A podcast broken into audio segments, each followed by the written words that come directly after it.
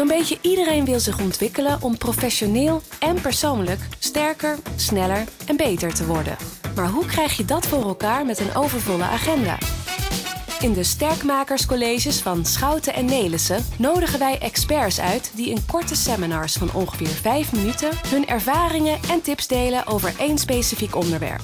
Van adviezen over time management, persoonlijk leiderschap en organisatieontwikkeling tot uitleg over begrippen als assertiviteit, vitaliteit of persoonlijke effectiviteit. Wat is het en wat zijn de tips waar je meteen mee aan de slag kan? Wat mij opvalt is dat er op dit moment zoveel wordt gezegd, wordt geschreven, wordt beweerd over die nieuwe generatie, die generatie Z. En dat zie je op social media, dat zie je in kranten, dat het heel veel gaat over die generaties op de werkvloer. En dan met name die nieuwe generatie die hele andere eisen stelt, een andere behoeften heeft. Hoe ga je daar nu mee om?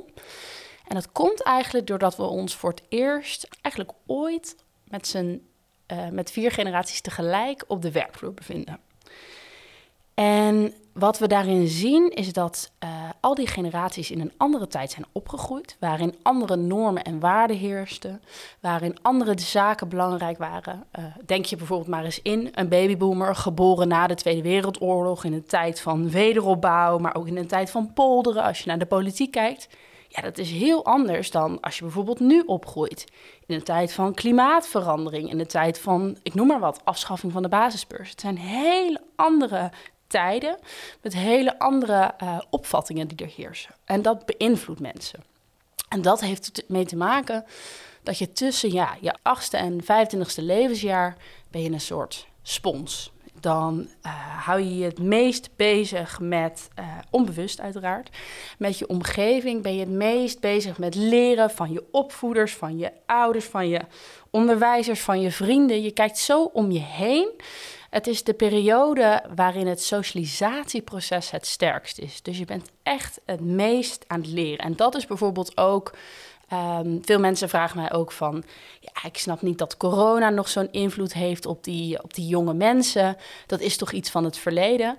Nou, voor heel veel jonge mensen viel uh, COVID, viel in hun tijd van socialisatie, viel in de tijd uh, dat zij eigenlijk hadden moeten leren van elkaar. En toen zaten ze opeens thuis in een lockdown.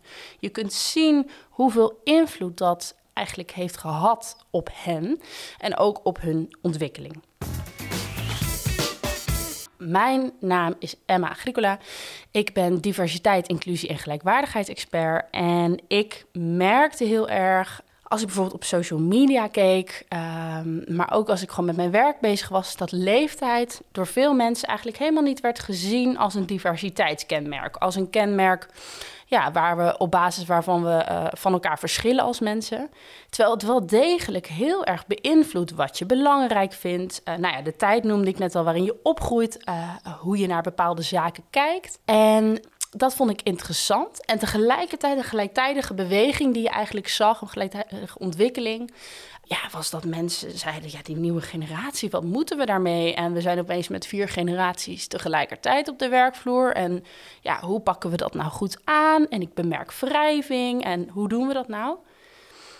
En de mensen die daarover adviseerden, ja, die waren eigenlijk allemaal 45, 50, 55 plus. En dat, dat, vond ik ook interessant, dat het ging over hoe betrek je die jongste generatie en hoe zorgen we dat we goed met die nieuwe generatie kunnen samenwerken. En tegelijkertijd dat de mensen die daarover adviseerden eigenlijk uh, wat ouder waren. En toen heb ik mijn bedrijf opgericht. Uh, de naam van mijn bedrijf is Inclusion Young, dus de inclusie van jonge mensen, waarin eigenlijk ik vanuit echt die Gen Z-lens advies geef aan organisaties met ook diversiteit en inclusie in mijn achterhoofd. Um, ja, hoe ze die jonge generatie nou echt kunnen betrekken, maar vooral ook hoe ze alle verschillende generaties op hun werkvloer aan elkaar kunnen verbinden. Nou, die generatieverschillen die beïnvloeden alle collega's binnen een organisatie, die beïnvloeden teams, afdelingen, Omdat je merkt dat ook de opvattingen over werk echt over de tijd veranderd zijn. Dus wat je bijvoorbeeld ziet, nou, we hebben dus die vier generaties op de werkvloer. Dat zijn de babyboomers, geboren tussen 1946 en 1964. Generatie X, geboren tussen 1965 en 1979. Generatie Y of de millennials, uh, geboren tussen 1980 en 1995. En generatie Z, geboren tussen 1995 en 2010. En die opvattingen over werk, waar ik het net over had. Ja, als je kijkt naar uh, babyboomers of als je kijkt naar Gen X'ers, die in een tijd op de arbeidsmarkt kwamen dat er een hele hoge uh, mate van jeugdwerkloosheid eigenlijk was. Denk je eens in, wat doet dat met jouw perceptie van werk? Als je op de arbeidsmarkt komt in een tijd waar er eigenlijk helemaal geen werk is. We zijn thuis niet religieus uh, opgevoed per se. Maar mijn moeder die zei altijd, ja, als je in mijn tijd een, een baan uh, kreeg, nou, dan mocht je God echt op je blote knieën danken, want dat had bijna niemand. Nu is er natuurlijk ontzettend veel werk en hebben we eigenlijk een enorme krapte. Dus dat is een hele andere opvatting van werk die je dan meekrijgt in de tijd uh, waarin je opgroeit. Dus dat is ook bijvoorbeeld waarom generatie X'ers, die nu vaak management, uh, of ik moet het andersom zeggen, managers zijn vaak afkomstig uit generatie X. Ja, die kijken dus op een heel andere manier dan die generatie Z, die dus nu eigenlijk nieuw aan het toestromen is. En daarom is het van belang uh, dat framework van die verschillende generaties, uh, over na te denken. Oké, ze verschillen dus van elkaar. Ze zijn in de verschillende tijden opgegroeid. Ze hebben verschillende kenmerken. Het kan fijn zijn om dat in je achterhoofd te houden, omdat dat een deel van die wrijving verklaart en er ook voor zorgt dat je ja, niet helemaal uh, gefrustreerd bij de pakken neer gaat zitten, maar weet, hé, hey, het komt ergens vandaan. En toch wil ik ook iets anders bepleiten. En dat is dat de generatieleer en het kijken naar de verschillende kenmerken van generaties ja, ook niet zaligmakend is. Ik zie dat er ook heel veel aannames namelijk op dit moment worden gedaan. Dus bijvoorbeeld wat ik laatst zag voorbij komen. Ja, je moet een authentieke sociale media-strategie hanteren om uh, generatie Z binnen te houden. Toen dacht ik, wow, dat is best wel een flinke aanname om te doen over een hele groep mensen. Op basis van het idee, oh ja, al die zetters die zijn opgegroeid in een tijd ja, dat technologie natuurlijk ver ontwikkeld was en dat we veel mobiele telefoons gebruiken. Nou, dan moet je voor omzetters maar binnen te halen, is een sociale mediastrategie, dat is echt key. Terwijl dat is zo'n reductie eigenlijk van een hele groep mensen tot een paar kenmerken. En dat is eigenlijk heel erg jammer. Het is zo makkelijk gedacht namelijk om aan die kenmerken die er zijn over generaties zulke makkelijke oplossingen te verbinden. Daar gaat het eigenlijk niet over. Ja, mijn advies is misschien wat minder populair, omdat het niet uh, een hapklare oplossing is. Maar ik zeg altijd: hou die verschillen in periode van opgroeien in het achterhoofd. Hou in je achterhoofd, hey, die, die generaties die verschillen van elkaar. Uh, dat is nu eenmaal zo.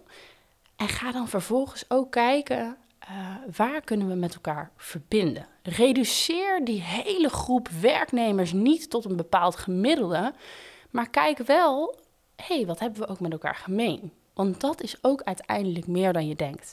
We zijn namelijk allemaal mensen en als we werken, dan hebben we bepaalde zaken die we heel belangrijk vinden. Elke generatie wil gezien en gehoord worden. Elke generatie heeft behoefte aan een bepaalde mate van transparantie. Elke generatie wil uh, omgang met collega's. Elke generatie wil beloond worden voor het werk.